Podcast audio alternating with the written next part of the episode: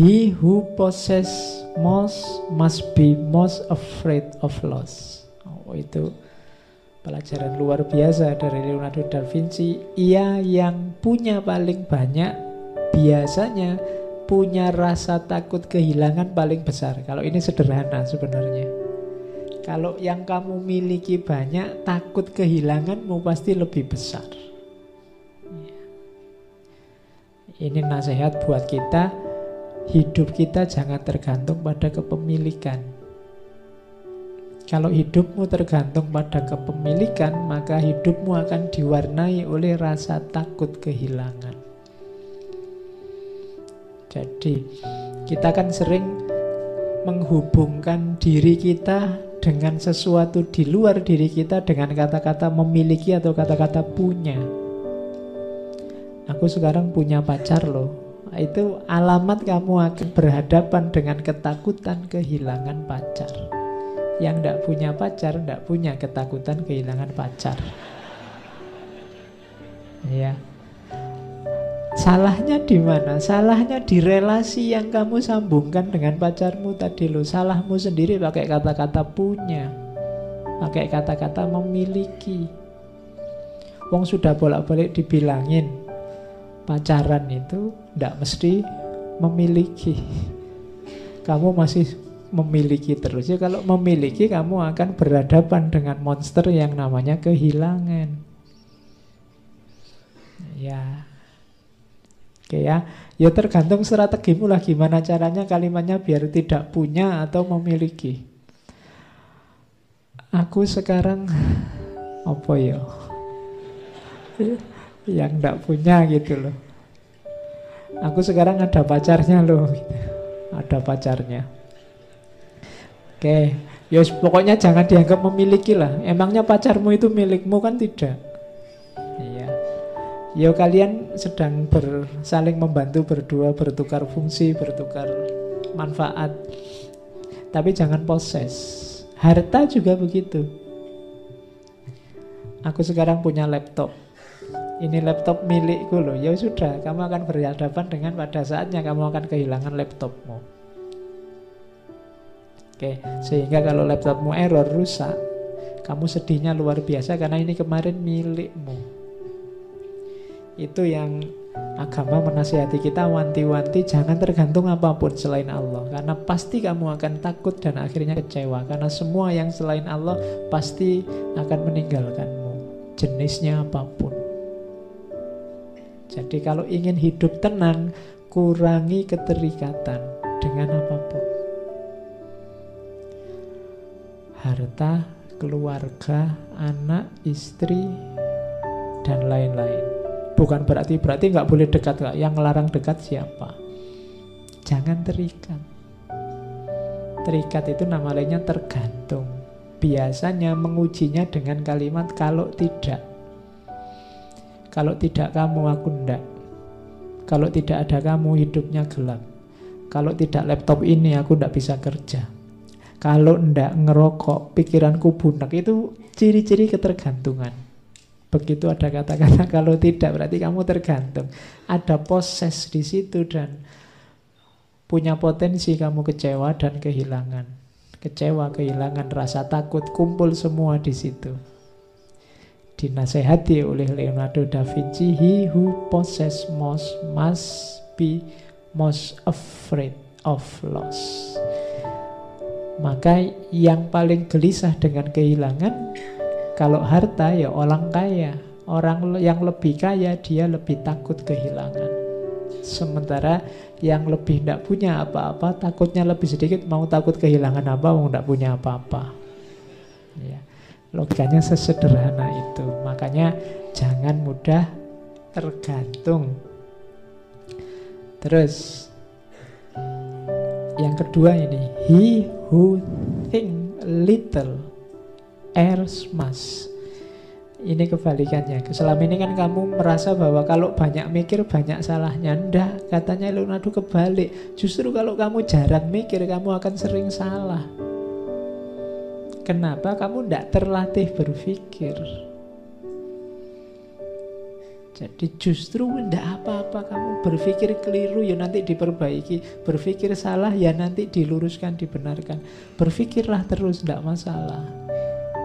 Lama-lama kamu bisa terlatih berpikir kritis, berpikir benar, berpikir lurus. Kalau kamu jarang berpikir, akal otaknya jarang digunakan, ya masih mudah tersesat dalam berpikir.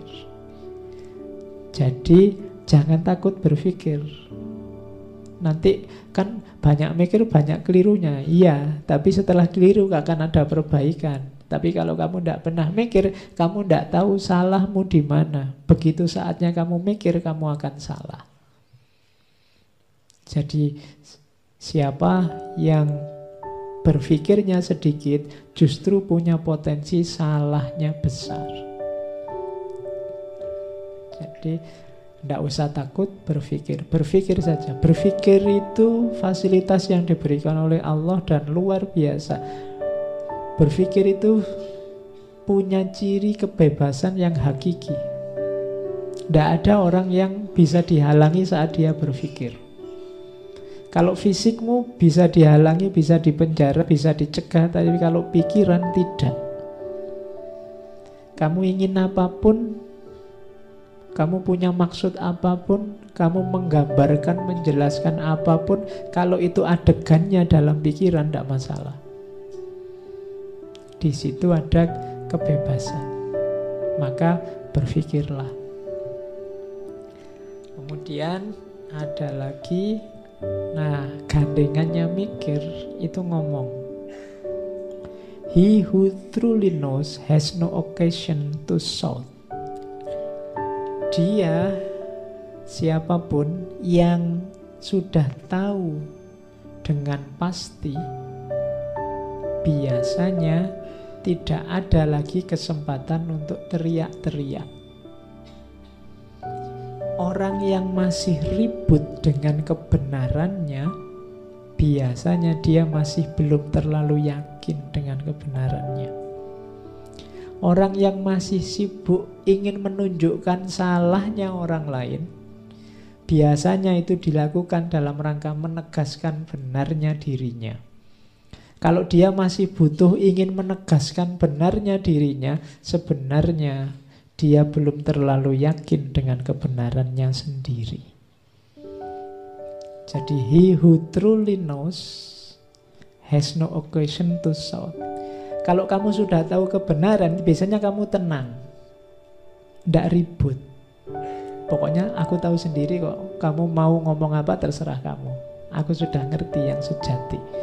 Tapi kalau kamu masih ribut, masih pingin tahu salahnya orang lain di mana karena yang benar itu aku, biasanya kamu masih butuh justifikasi dari kebenaranmu yang terletak dalam salahnya orang lain. Nah, ini kita harus hati-hati dengan kebenaran yang kita miliki karena kadang-kadang kita itu kan sibuk nyari kesalahan orang lain. Itu sebenarnya ciri bahwa kita belum terlalu yakin dengan kebenaran kita sendiri. Kalau kita sudah yakin mantep dengan kebenaran kita, biasanya kita tidak butuh lagi penjelasan bahwa orang lain lebih buruk, lebih salah dari kita. Bahwa orang lain yang keliru dan kita satu-satunya yang benar. Kalau sudah yakin ya sudah. Kamu yakin benar bahwa pilihanmu paling cocok atau kamu yakin bahwa di kampung ini yang paling ganteng aku misalnya. Itu kamu kan sudah tenang. Tapi kalau kamu masih nyari, lo itu kan lebih jelek, itu kan lebih jelek. Itu menunjukkan kamu tidak terlalu yakin dengan kegandenganmu. Kami masih butuh untuk dijejer orangnya yang lebih jelek untuk menegaskan bahwa kamulah yang paling ganteng. Jadi Nah, ini boleh kamu jadikan rumus bahwa yang masih ribut untuk mencari siapa yang salah, kemungkinan dia masih belum terlalu yakin dengan kebenarannya sendiri. Kalau dalam tradisi filsafat Islam, ilmu kalam ada istilah sukunun nafas. Sukunun nafas itu tenangnya jiwa. Jadi di antara parameternya kebenaran itu sukunun nafas. Kalau kamu sudah nyampe pada terminal kebenaran, jiwamu tenang. sudah tahu aslinya saya tenang sudah. Tapi kalau belum, masih mencari-cari justifikasi pembenaran, biasanya masih belum tahu. Terus yang panjang, he who does not go beyond his master is a poor pupil.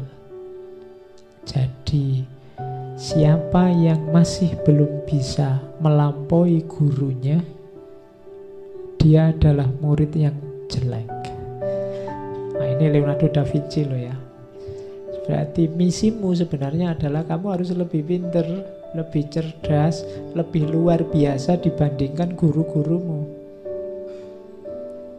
Kalau hanya sama, itu pun tetap dianggap kamu murid yang jelek. Kenapa bisa begitu loh? Gurumu itu anak zamannya. Dia sampai dalam keilmuannya sebatas wawasan dinamika kehidupannya. Sementara hidup itu dinamis, maka wawasanmu harusnya nambahi wawasan gurumu sehingga kamu harusnya lebih luas. Dari gurumu itu menunjukkan gurumu sukses. Kalau hanya sama berarti kamu hanya mengcopy paste gagasan-gagasannya gurumu. Kamu harus lebih, lebih itu melampaui. Cuma kan kamu selalu bilang, apa yang mungkin Pak, saya bisa melampaui guruku. Ya kalau saya bilang tadi ya, kalau kamu sudah bilang begitu ya ndak mungkin sudah. Kamu mimpi aja ndak berani ya ndak mungkin. Mungkin. Kalau kamu ndak bisa melampaui gurumu, kenapa kok disebut murid yang jelek? Berarti kamu hanya mengulang, menghafalkan yang disampaikan oleh gurumu tidak bisa mengembangkan. Guru yang sukses adalah guru yang ilmunya mampu menginspirasi murid-muridnya. Menginspirasi itu bukan cuma mengulang kata-katanya, tapi melahir gagasan-gagasan baru yang dipicu oleh wawasan keilmuan yang disampaikan oleh gurunya. Makanya murid yang baik itu yang melampaui gurunya. Jadi kalian misalnya diperintah oleh takmir-takmir Barang siapa yang ingin mentransip ngaji ini silahkan Itu tulisan yang bagus yang kamu tidak copy paste apa yang saya omongkan Kalau hanya copy paste yang saya omongkan Orang lebih suka ngapain baca tulisanmu dengar rekamannya selesai Tapi kamu olah versimu Tidak masalah Namaku tidak usah disebut nggak masalah Terinspirasi itu kan bukan hanya ikut tapi lahir gagasan baru, lahir pencerahan baru versimu. Yo nanti namanya pakai namamu. Nah itulah he who does not go beyond his master is poor pupil. Kalau yang ungu itu he who does not value life does not deserve it. Orang yang tidak menghargai kehidupan tidak layak untuk hidup wong gak kamu hargai. Oke, ini penjelasannya kalian sudah ngerti. He who wishes to be rich within a day will be hanged within a year. Siapa yang ingin kaya mendadak dalam sehari dia ingin langsung kaya, maka tunggulah setahun lagi dia akan digantung. Tidak ada jalan instan untuk sukses. Jangan mudah tertipu oleh iklan-iklan promosi. Kaya mendadak. Ikut ini sebentar saja langsung wis to wis ndak ono rumus kayak gitu ndak ada. Orang paling jenius di dunia Leonardo da Vinci ngomongnya semacam itu. Kamu bulan kayak gini masih ketipu. Ndak ada yang instan. Langsung sukses, langsung jaya, langsung dari mana jalannya langsung. Ujung-ujungnya ketipu.